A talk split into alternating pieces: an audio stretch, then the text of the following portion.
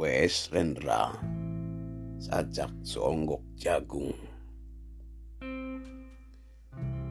Seonggok jagung di kamar Dan seorang pemuda yang kurang sekolahan Memandang jagung itu. Sang pemuda melihat ladang. Ia melihat petani ia melihat panen dan suatu hari subuh para wanita dengan gendongan pergi ke pasar.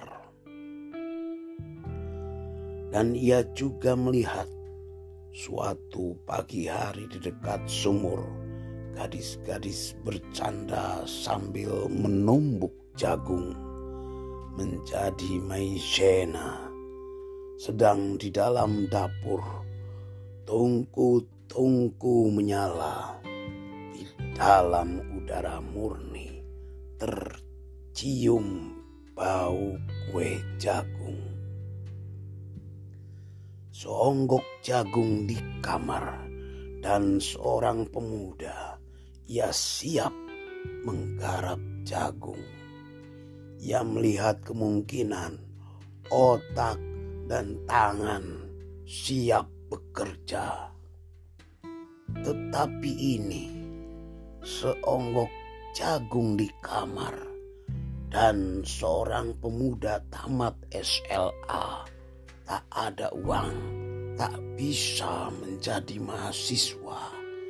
Hanya ada seonggok jagung di kamarnya. Ia memandang jagung itu dan ia melihat dirinya terlunta-lunta.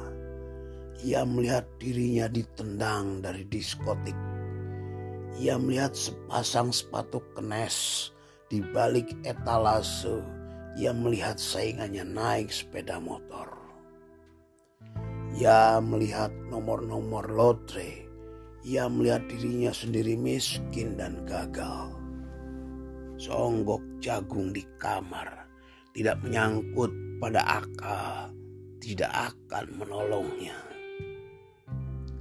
Songgok jagung di kamar tak akan menolong seorang pemuda yang pandangan hidupnya berasal dari buku dan tidak dari kehidupan yang tidak terlatih dalam metode dan hanya penuh hafalan kesimpulan yang hanya terlatih sebagai pemakai tetapi kurang latihan bebas berkarya. Pendidikan telah memisahkannya dari kehidupan.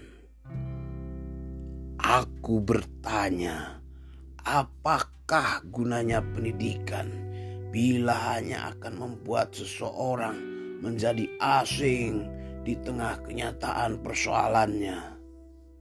Apakah gunanya pendidikan?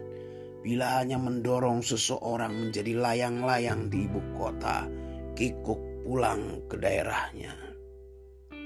Apakah gunanya seseorang belajar filsafat, sastra, teknologi, ilmu kedokteran,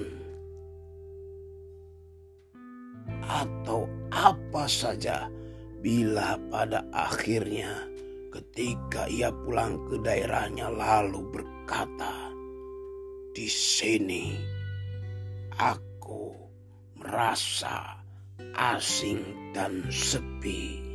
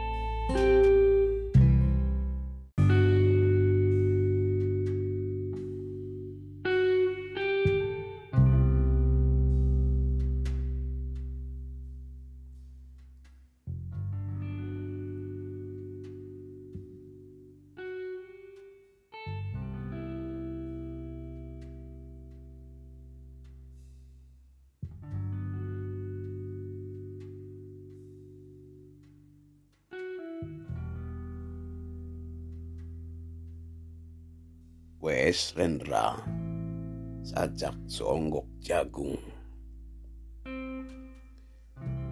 Seonggok jagung di kamar dan seorang pemuda yang kurang sekolahan memandang jagung itu.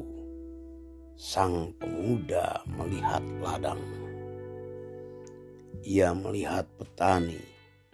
Ia melihat panen. Dan suatu hari subuh, para wanita dengan gendongan pergi ke pasar. Dan ia juga melihat suatu pagi hari di dekat sumur, gadis-gadis bercanda sambil menumbuk jagung menjadi maizena. Sedang di dalam dapur, tungku-tungku menyala. Di dalam udara murni tercium bau kue jagung.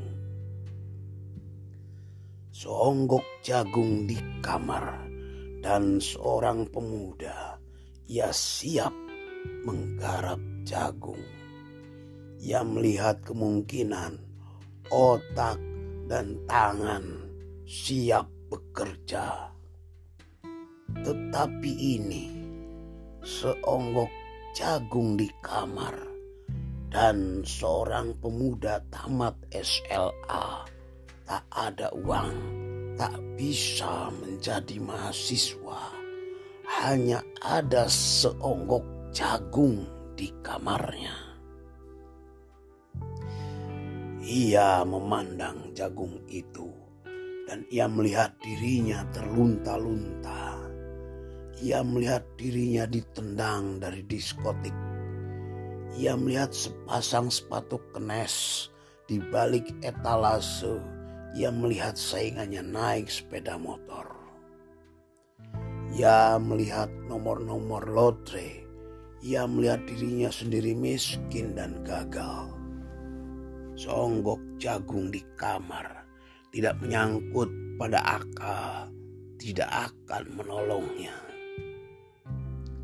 Songgok jagung di kamar tak akan menolong seorang pemuda yang pandangan hidupnya berasal dari buku dan tidak dari kehidupan yang tidak terlatih dalam metode dan hanya penuh hafalan kesimpulan yang hanya terlatih sebagai pemakai tetapi kurang latihan bebas berkarya pendidikan telah memisahkannya dari kehidupan aku bertanya apakah gunanya pendidikan bila hanya akan membuat seseorang menjadi asing di tengah kenyataan persoalannya.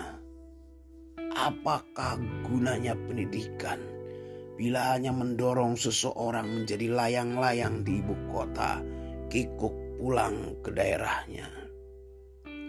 Apakah gunanya seseorang belajar filsafat, sastra, teknologi, ilmu kedokteran,